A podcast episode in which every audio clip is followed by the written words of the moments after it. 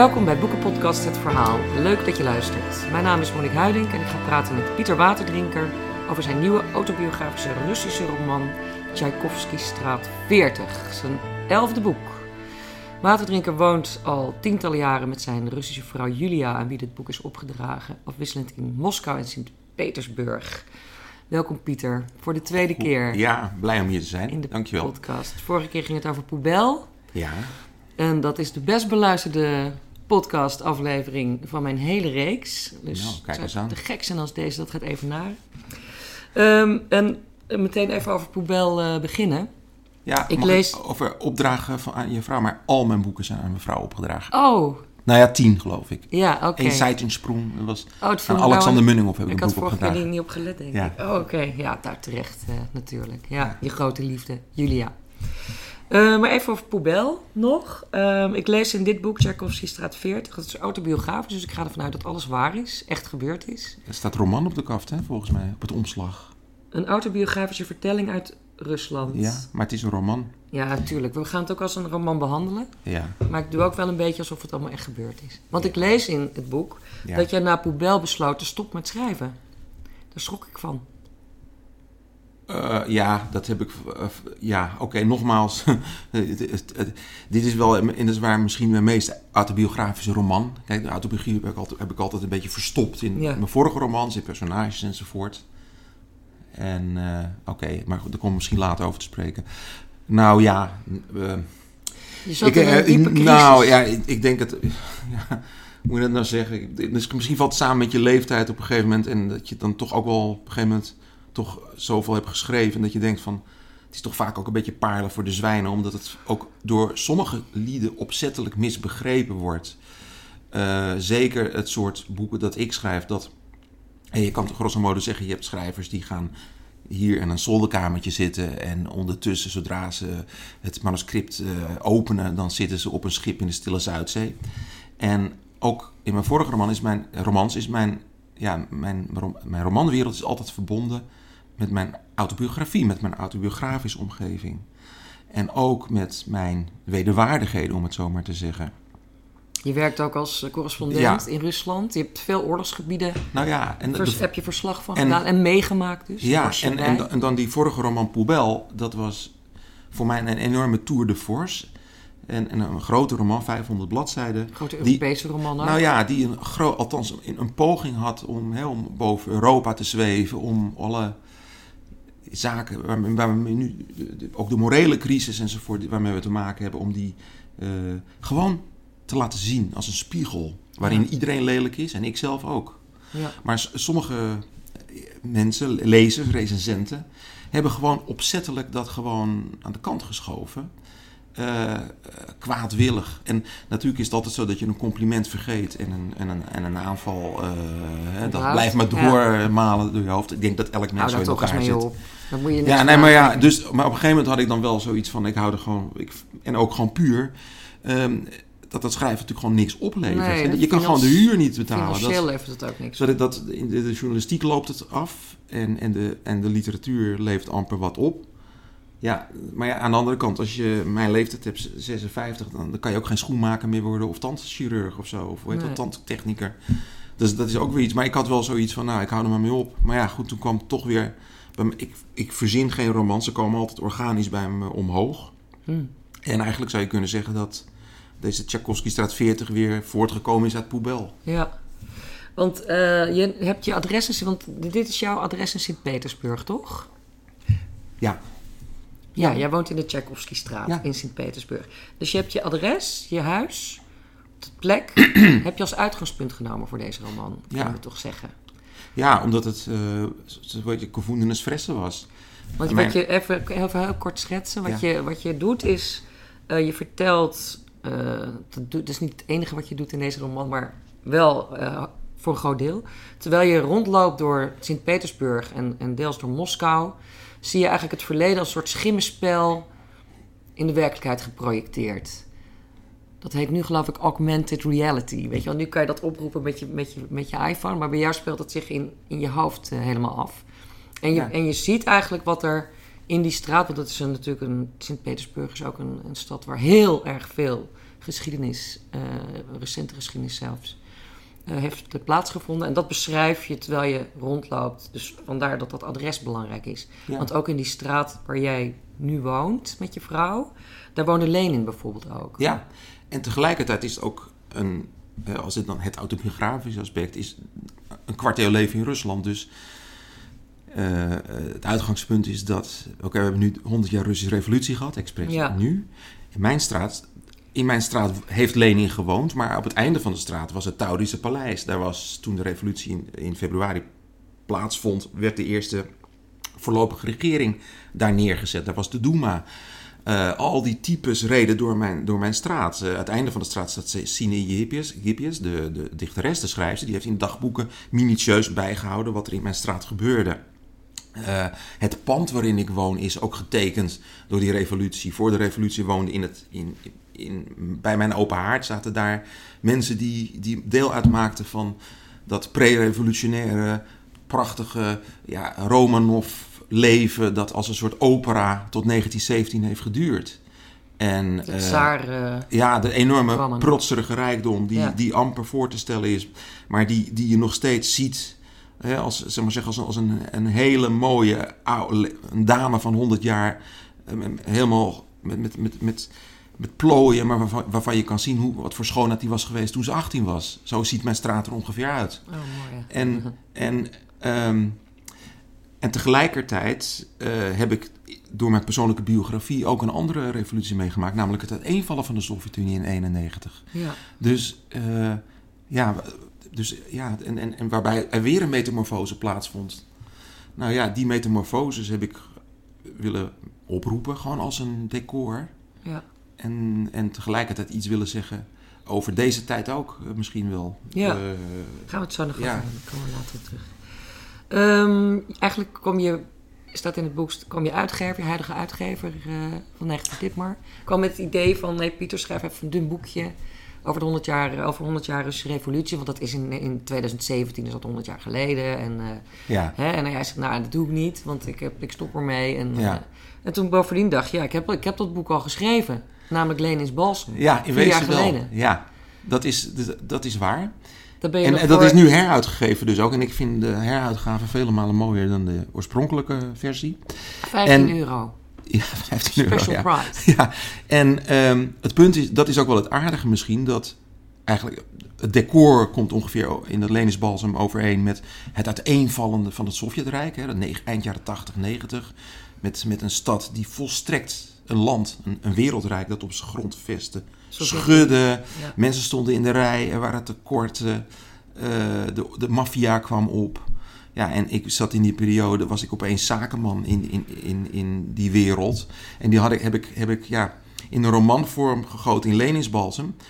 Maar toen dacht ik, ook voor mijn, voor mijn vrienden bijvoorbeeld, eh, die weten dat ik in mijn romans altijd autobiografie stop. Maar toen dacht ik, laat ik nou eens een keer gewoon met 1917 als uitgangspunt, met het uiteenvallen van de Sovjet als tussenpunt en de tijd die we nu hebben in Nederland, of in de Europa, de wereld, in Rusland.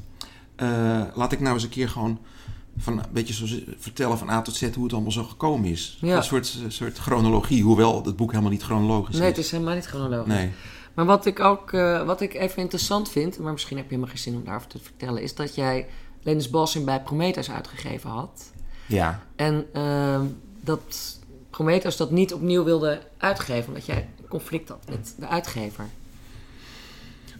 Ja, weet je wat, die, die, die literaturenwereld, dat is, dat, dat is eigenlijk, dat, MeToo is daar nog niet in doorgedrongen, denk ik. Want ook MeToo is ook op een andere manier, op een niet-seksuele manier. Ja, Maar voor mij is literatuur altijd uiteindelijk, en misschien ook wel in het begin, eh, heeft met het leven te maken en met mensen te maken. En als blijkt dat een uitgever jou niet als een mens ziet, we hebben het hier over Mars Spijkers. nou ja, dat, dat kan je na, één op één kan je nagaan. En ja, die heeft mij gewoon geschoffeerd. Die heeft tegen jou Eh, gezegd dat hij een literaire kakkerlak Nou, nee, het was, kijk, ik, in dat boek heb ik dat zo gezegd, maar dat is natuurlijk niet zo. Ik, eh, ja, misschien moet ik er niet over praten. Kijk, op dat moment, hij ging naar Moskou toe met een sterauteur, ik zal zijn naam niet noemen. En ik ben altijd heel gasvrij en, en Julia en ik, we zijn heel gasvrij. Maar op dat moment lag de vader van Julia zeg maar, op sterven. En ik zat in Petersburg en ik was gewoon apart speciaal naar Moskou gekomen. En, uh, en, en te ontvangen enzovoort.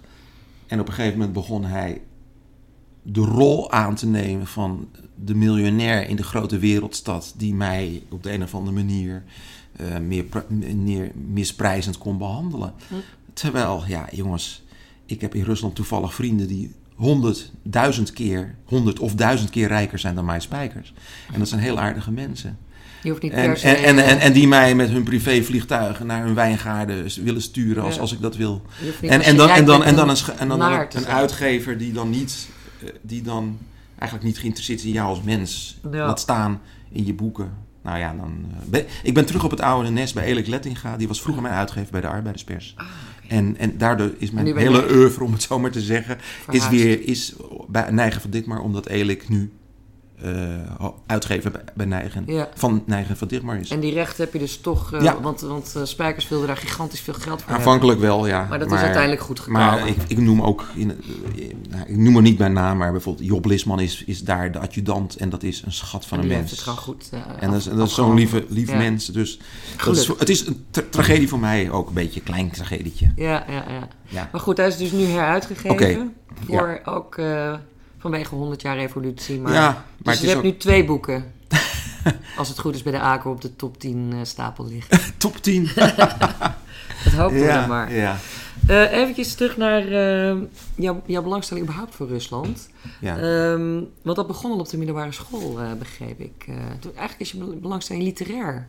Had ik het vorige keer niet verteld? Ja, bij mij is het alleen maar literair. Ja. Heel kort door de bocht. Omdat je de Russen ging lezen. Ja.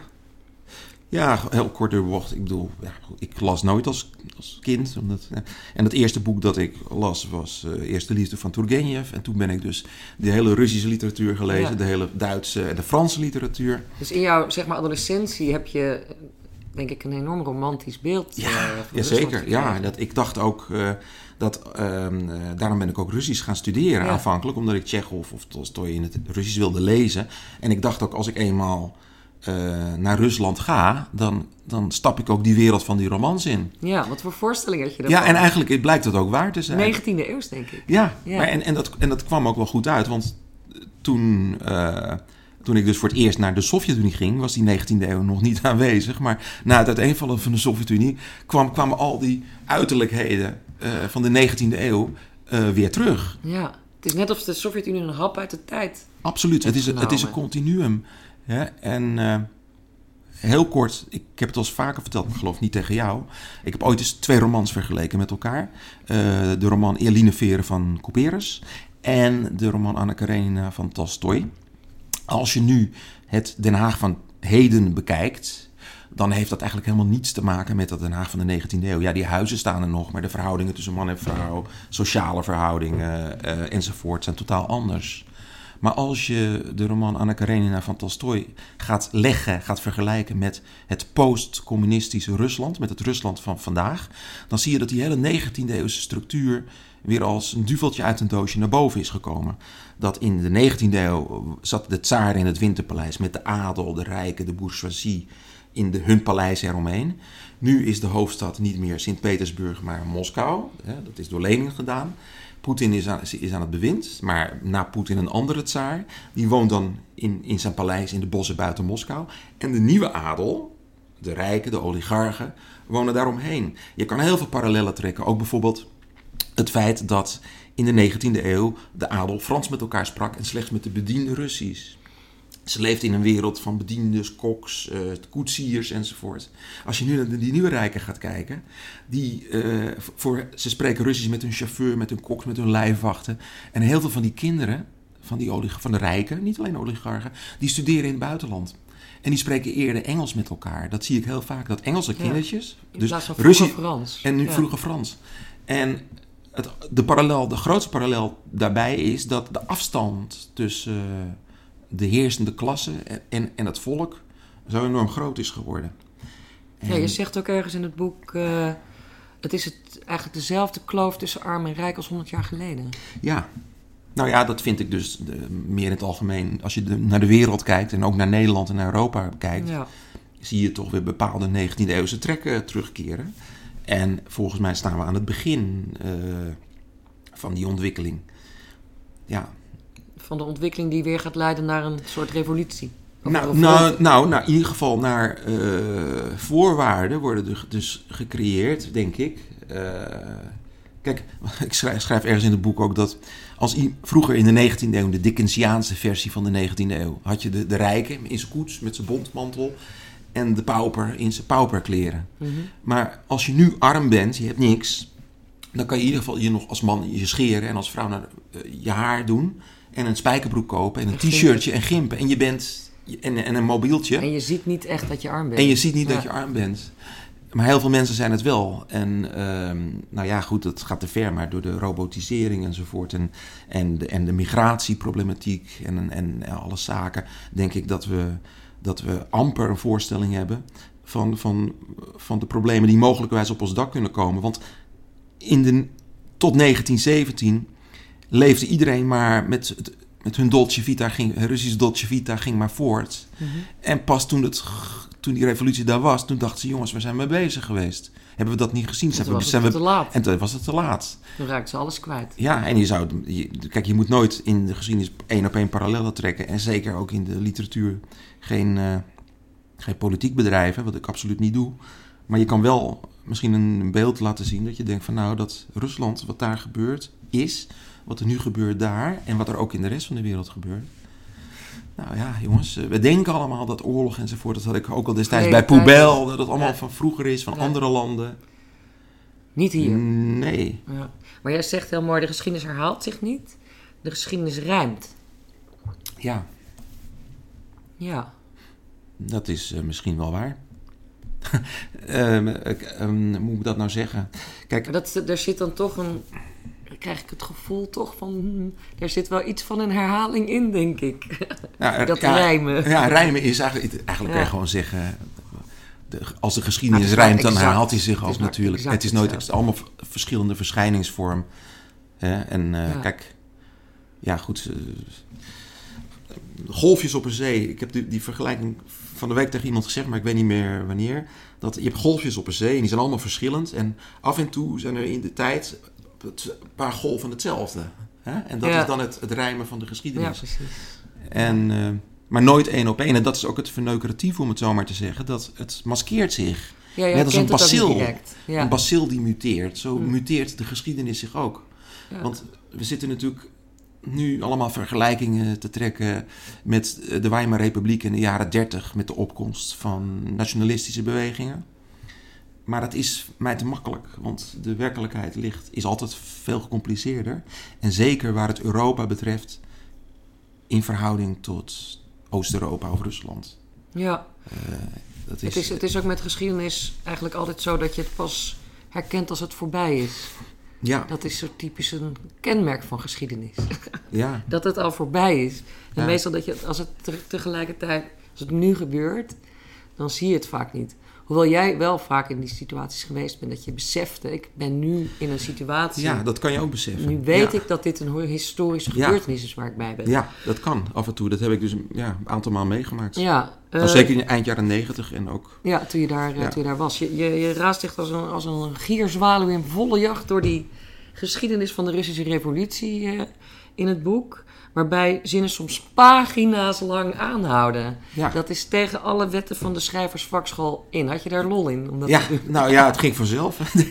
Ja, ik heb geloof ik één, één, één, één zin van zeven pagina's geloof ik. zeven pagina's. Dat gaat maar door. Maar ik heb het heel geconcentreerd gelezen, want ik dacht, ik ga hem betrappen op een fout. Maar Ja? je, je Nee? brengt het tot een goed eind. Oh, nou Hij goed. komt na zeven pagina's goed veilig thuis bij de punt. Net als een, eh, aan een pols, hoe noem je dat? Aan, aan een rekstok, zo'n... zo'n zo'n ja. dat hij dan... Maar die, die geeft, krijgt het enorme vaart door. Dat je bijna hijgend zit je te lezen wat, wat er allemaal gebeurt. En je, je gaat ook, je, je waait ook van heen en weer van allerlei verschillende associaties en allerlei verschillende gebeurtenissen, allerlei verschillende mensen. Maar terwijl het ook een verstilde boek is soms, toch? Ja, ook, want het is heel, dat wissel je heel Want dat, erg is, dat vind ik altijd ehm, zo jammer überhaupt. Met, als je gesprek, gesprek voert over een boek, dan, ja, dan moet je het toch ergens over hebben. Dus nou ja, in dit geval, omdat ik, ja, die vent woont in Rusland, dus we gaan het maar over Rusland hebben enzovoort.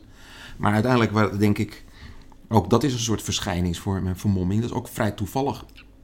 ik had ook in Spanje kunnen wonen, had bijna gebeurd. Ja. Of gewoon in Nederland. Maar het gaat natuurlijk in, in romans gaat het natuurlijk altijd, tenminste, dat vind ik. In goede romans. Als je, je hoopt toch als je een roman schrijft dat je een goede roman schrijft.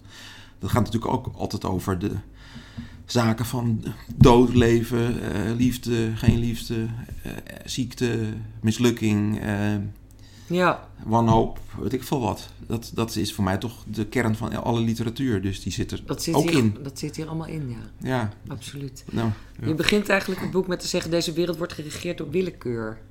En als je naar jouw leven, want ik ga er toch even vanuit dat dit gewoon een beetje jouw levensgeschiedenis ja toch dit is wel grosso modo, ja. dan is het echt heel grappig hoe, wat, een, wat een toevalligheden daar in jou, eh, op jouw eh, levenspad kwamen.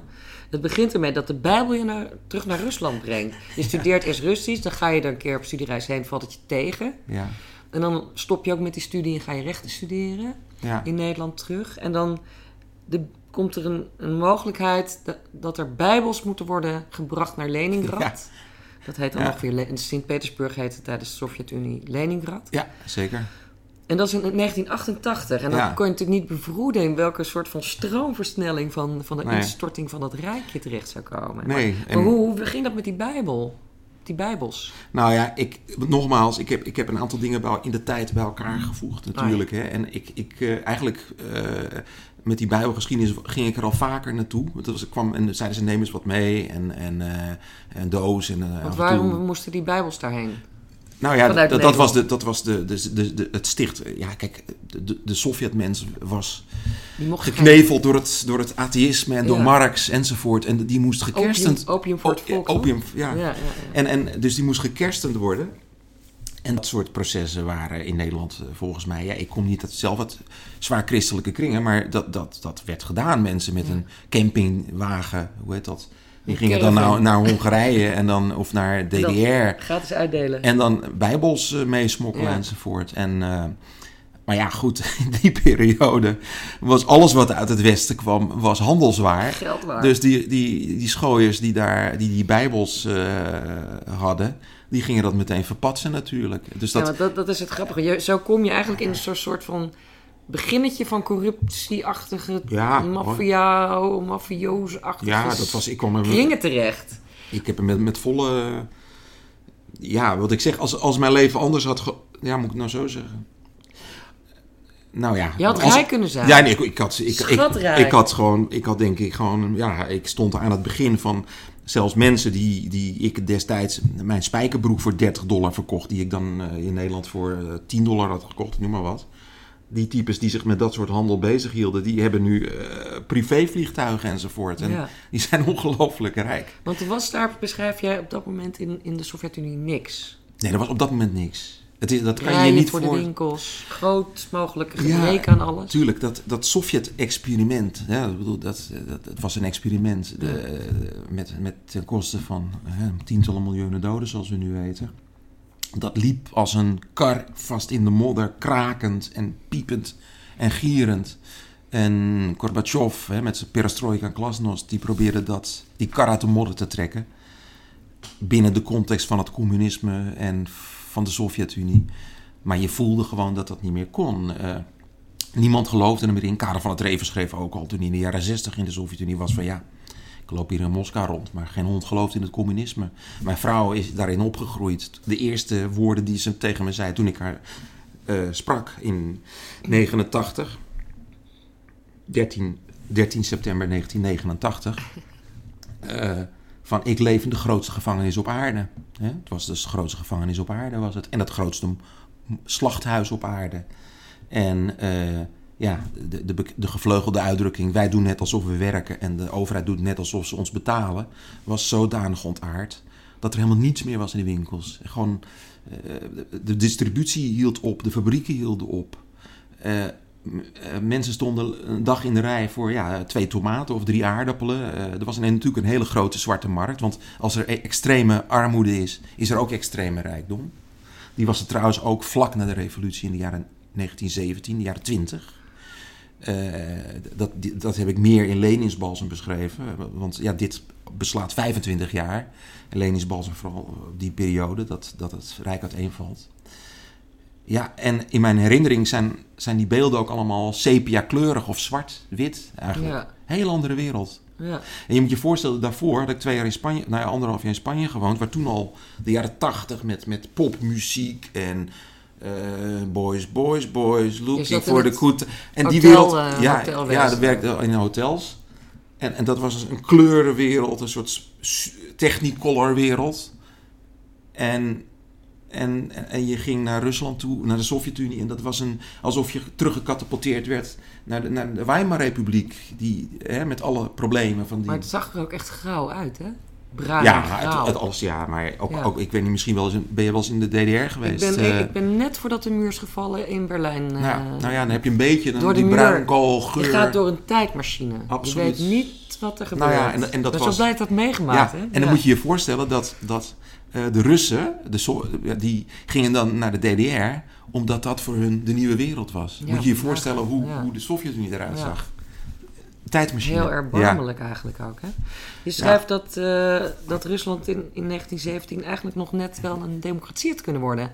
Maar dat Lenin dat, eh, dat heeft voorkomen. Hij was de apostel van de dood, gearriveerd voor de vernietiging. Ja, absoluut. Ja. Want er zat een soort tussenregeringje. Die Ja. tsaren, die waren... Die tsaren Ja, dat was. eh, kijk, dat, je- dat is ook wel heel interessant. Ten eerste was eh, voor de revolutie het culturele leven ongelooflijk rijk. Ik bedoel, eh, er gebeurden heel veel dingen op dat gebied. Ja. Ik bedoel, Alexander Blok, eh Djagiljev met de Ballet Russe. hè, Dat, allemaal, dat had zijn, zijn voedingsbodem, zijn bron in dat Sint-Petersburg. Dat werkelijk heel mondain, wereldlijk was. Dat wordt ook wel vaak vergeten. Maar iedereen reisde net zo makkelijk van Parijs naar Petersburg en Berlijn naar Petersburg. Als, dat hoorde bij Europa. Ja. Hè? Ehm, en ja, daar kwam die, dat mes van die revolutie overheen. Ehm, toen de eerste opstand was in februari, heel kort. gewoon de verpaupering was zodanig dat, dat het leger, de soldaten, terugkerend van het front, gedeserteerd van het front. er miljoenen waren aan het front gestorven al hè, Ja. in de Eerste Wereldoorlog. Keerden terug naar, naar Petrograd, heette dat toen. En op Vrouwendag be- be- begon die opstand. En dat is bloedig verlopen. En, en eh, kort daarna, een paar weken daarna, was de tsaar afgetreden. Op dat moment was er een voorlopige regering. En daar zaten ook partijen bij, kadettenpartij bijvoorbeeld. Die waren heel democratisch. eh. En die, eindelijk was dit een kans om een grondwet te richten. Een, een, democratie, parlementaire democratie. Want naar Europees model te doen. Ja. Maar die Lenin, eh, die zat dus te broeden al 16 jaar in ballingschap. En die zat op dat moment in Zwitserland. En, en ja, eh, die, die man was gewoon één rancuneuze eh, pestbuil, om het zo maar te zeggen. En die is dus, zoals Nabokov zegt, ingeblikt eh, met een trein door Duitsland hè, naar, naar, naar het Rusland gebracht, uiteindelijk, om daar de revolutie te ontketenen. Ja. Nabokov schrijft ergens dat de revolutie is ingeblikt, geïmporteerd in Ja, Rusland. trein. ja, Ja. ja. Het is een sardientje in een blik. Ja, als een sardientje in een blik, ja. En ongelooflijk dat, dat, dat... Daar kan je om lachen natuurlijk, maar... Ik ben geen historicus.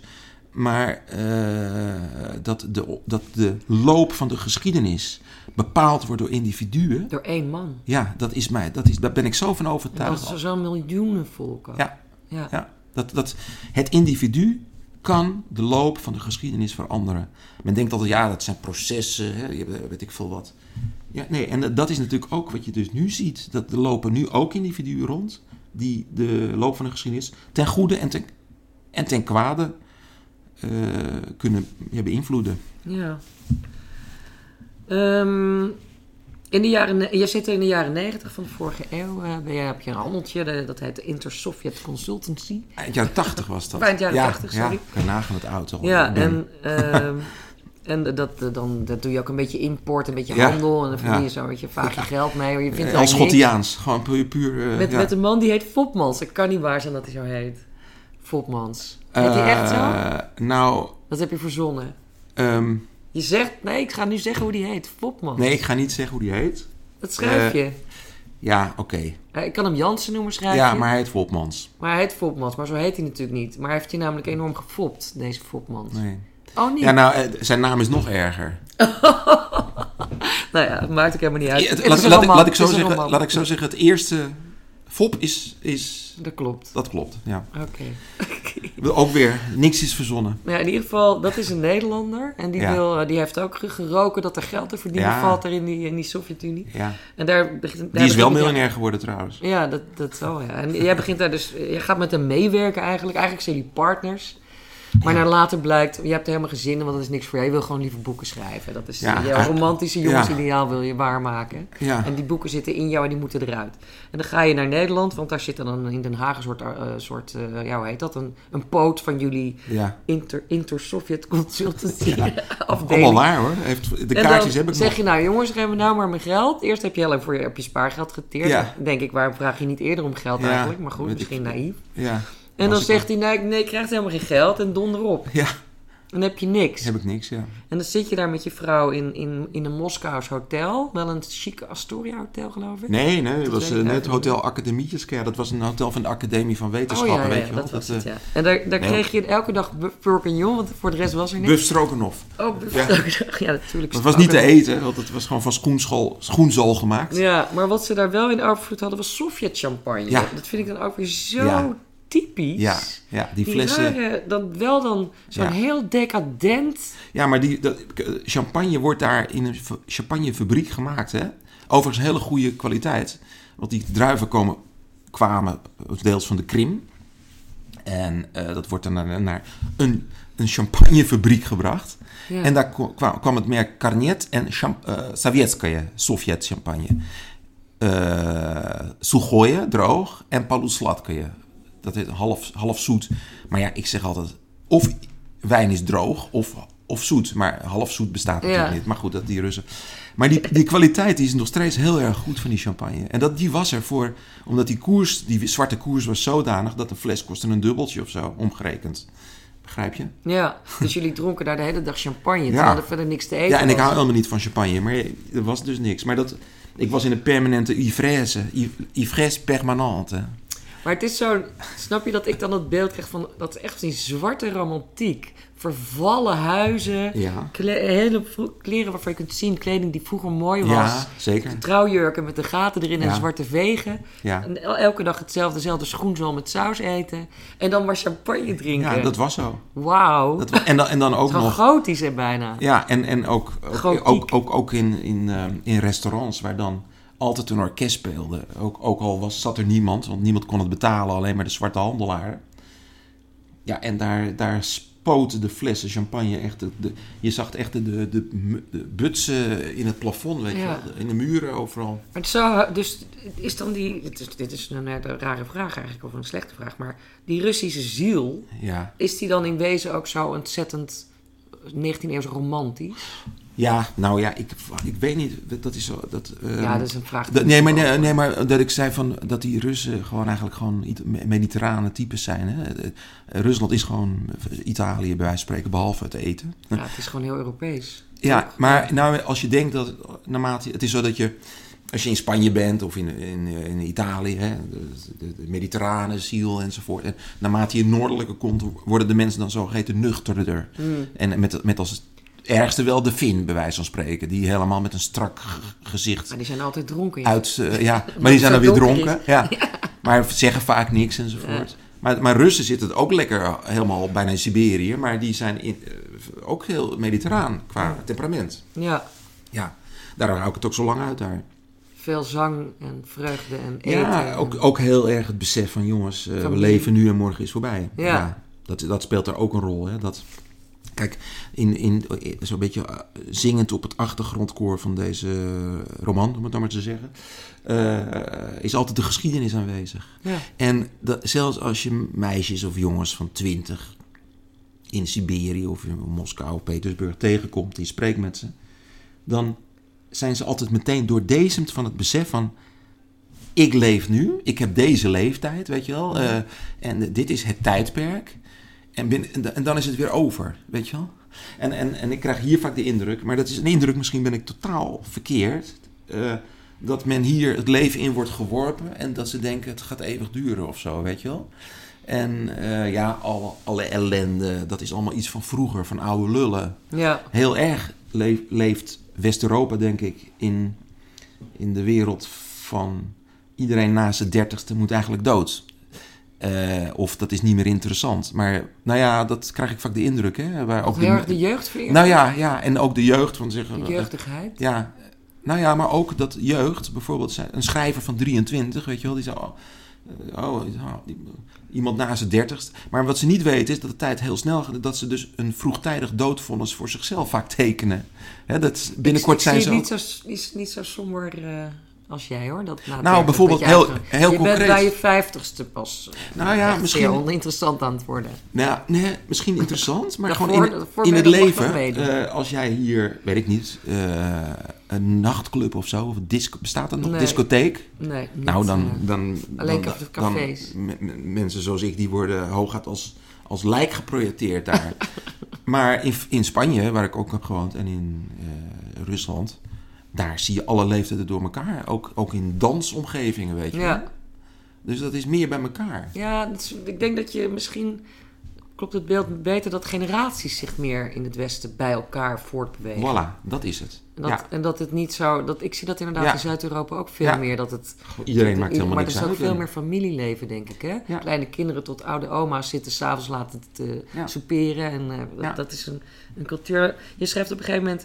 eh, Russen leven te midden van de geschiedenis en, en wij niet. Wij Westerlingen niet. Dus dat bedoel je waarschijnlijk ook. Ja, misschien. Maar ja. je ziet, maar je constateert toch ook dat de, ook dat de hedendaagse jeugd, ook in, in Rusland, zich overgeeft aan het hedonisme en Ja. niets meer weet van de geschiedenis. Ook, ja, dat zie je dus ook, ja. Dat, is de, dat is- zou misschien tegenstrijdig zijn met wat ik net had Ja. verteld.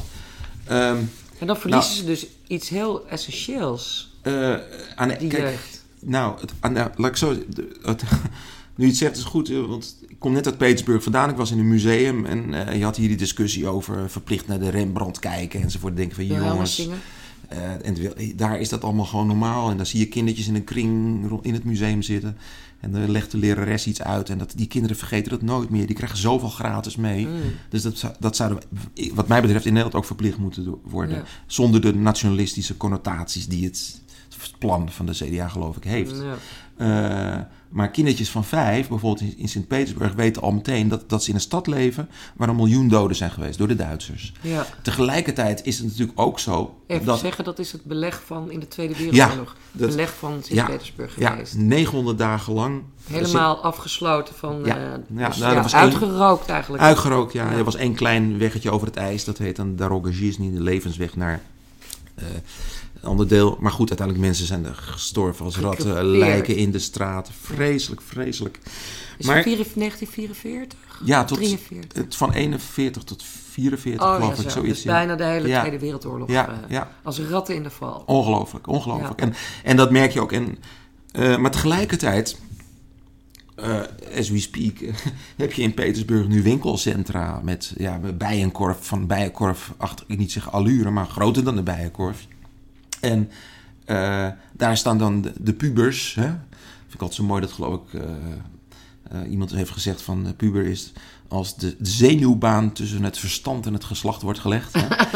Ja. En daar zie je pubers natuurlijk ook met oordopjes en de laatste model en alleen maar winkelen en hedonistisch aan de gang. Ja.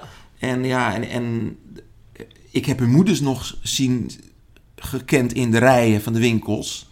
En sommige van de moeders ook, sorry dat ik het zeg, eh, zich half prostituerend in, eh, in, in die gelegenheden waar de champagne knalde, bij wijze van Om spreken. zich in leven te houden. Om zich in leven te Ja. houden.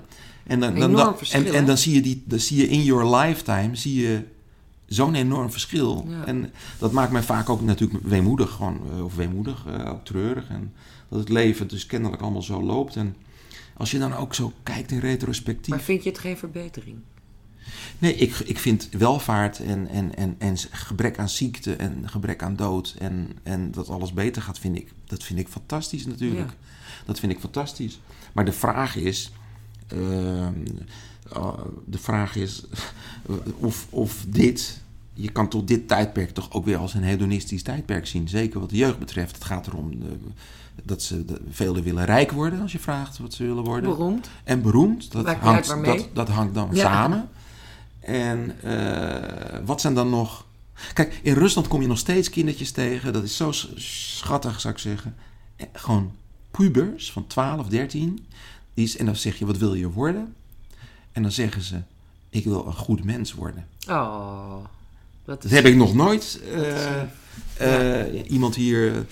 En ik moet eerlijk zeggen dat op mijn oude dag wil ik, zou ik eigenlijk ook een goed mens willen worden. Maar dat, daar is tot te laat voor natuurlijk. Maar, maar het is natuurlijk wel mooi dat, dat er andere zaken. Hè? Je, kan, je zou ook natuurlijk kunnen zeggen dat communisme was één grote gruwel. Maar het was wel een geloof voor sommigen. Ja. Het gaf ook zo'n duiding en zingeving. Het ging wel uit van de goedheid van de mensen, terwijl juist het slechte in ja, de mensen naar ja, boven kwam. Ja, nou ja, mensen die dus gelovig zijn geweest en afvalligen, die zullen die, dat vacuüm, die leegte natuurlijk ook voelen en zo. Ja. En ik denk dat wij hebben dus, je zou kunnen zeggen, nou, het kapitalisme of de neoliberale wereld, die ik vreselijk vind, heeft gewonnen. Ja, oké, en nu wat? Dus het, het enige adagium is dus allemaal rijk en beroemd worden. Dat Ja. kan dus niet. Nee. Daardoor eh, niemand zegt dat, dat niemand zegt, staat op en zegt nee, daar gaat het niet om. Iedereen stilzwijgend zegt men eigenlijk, ja, dat is dus de enige levensweg. Mhm. Maar wat voor een leed je daardoor mee berokkent. eh, van mensen die niet rijk en beroemd en niet mooi en, niet, en, en ook niet, daar nooit aan kunnen komen. Ja. Want dat is dan op het eind van het boek. Ja, Dan ook dat ik zeg het van, rijk ja. van de rode teugels. Ja, Het is een soort zinnebeeld van een, een, een, een grote koets die door de lucht zweeft met een vierspan of een tweespan paarden ervoor. Die trappelend in de lucht voortgesleept wordt. En dat is dan de westerse wereld zoals je die voorstelt. nou ja, daar zitten dus al die rijke, nou, de af, nou ja, niet, verwende mensenkinderen in. Nou ja, omdat na de revolutie, vlak na de revolutie, eh, probeerden de, sommigen van de adel hun leven te redden. En die hadden nog- hun koets, hun ko- koets, dus hun Ja. auto met chauffeur van die tijd. En toen zeiden ja, span maar rode teugels aan, want dan kan je laten zien door die rode teugels, ik ben ook socialist. Begrijp je? Oh. Dat is het. Wauw. Oh, dat, En, dat en, en, en, dat, vandaar het rijk van de rode teugels. Nu eh, zijn er ook weer heel veel bewegingen in de wereld. En de rode teugels zijn nu ja, de juiste tijdschrift, eh, de, de juiste, eh, het juiste politieke beeld naar buiten brengen. Een soort aflaathandel. Ook te laten zien van ik, eh, ik ben, Ik- ik, ben oké. Ik ben oké. Ik ben En, goed. en ondertussen kan je, Ondertussen wil ik mijn nieuwe iPhone van 1300 euro. ja, of erger natuurlijk, van Ja. ondertussen. Ik denk dat er ook heel veel mensen in het rijk van de rode teugels zijn die eh, gebruik maken van de belastingconstructies die nu weer met die Panama, niet Panama Papers, maar hoe heet dat nu? Ja, Eh, dat is iets nou ja, iets nieuws, maar dat weer een nieuwe Paradise. Paradise Papers. ja. Ik denk dat er heel veel mensen tussen zitten die, die ook in het rode, rijk van de rode teugels zitten. Sterker nog, eh een, een prins van Oranje heeft eh 100 102 huizen in, 102 Amsterdam. huizen in Amsterdam. Ik vind dat een affront. Ik vind dat een lange neus trekken naar alles wat fatsoen is. En daar wijst men op. Het valt binnen de wet, dus het mag. Ja. ja. Maar het kenmerk voor moraal is toch ook dat het juist boven de wet staat, boven, door de wet heen. En ik denk dat, er, dat, dat heel veel mensen de, de- ja, hun aflaat kopen door te zeggen: Nou, ik heb de juiste standpunten, ventileer ik. Alles wat ik doe is binnen de wet. Mhm. En vervolgens heb ik gewoon recht op 4 ton of 5 ton eh, jaarlijkse uitkering of premie. ja. En, ik, en, en je voelt gewoon, Ja, waar je dat op doelt fout die- gaat. dat die, dat die weer zo'n enorme kloof is ja, ik zie dat gewoon. heel erg rijke mensen die Ja, maar ook in Nederland. blijven Ja, maar ook in en Nederland. arme mensen. Je hoeft maar in de trein hier te zitten. Als je je ogen goed de kost geeft. Dan zie je gewoon, de ene gaat naar zijn werk. Ja. En die komt gewoon, op het einde van de maand houdt hij misschien 120 euro over om, om, om iets leuks te doen. En die leest in de krant, in het gratis krantje in de trein, dat de museumdirecteur weer 4, 5 ton aan, aan... Dat kan toch niet? Dat is toch Ja. gewoon... En ik, ik, ik, ik verbaas me erover dat, dat er nog eigenlijk een relatieve stilte over is. En prima, ik kan zeggen, ja, wat heb ik ermee te maken? Ik woon niet meer in Nederland. Maar je ziet het eh, Europa-wijd. En, eh, en, dat het en, en, en, en je weet, ja, Afrika. en, en dan natuurlijk ook binnenkort staan we voor de grote testcase. De Exodus. De wat er met Afrika, dat gaat gewoon gebeuren.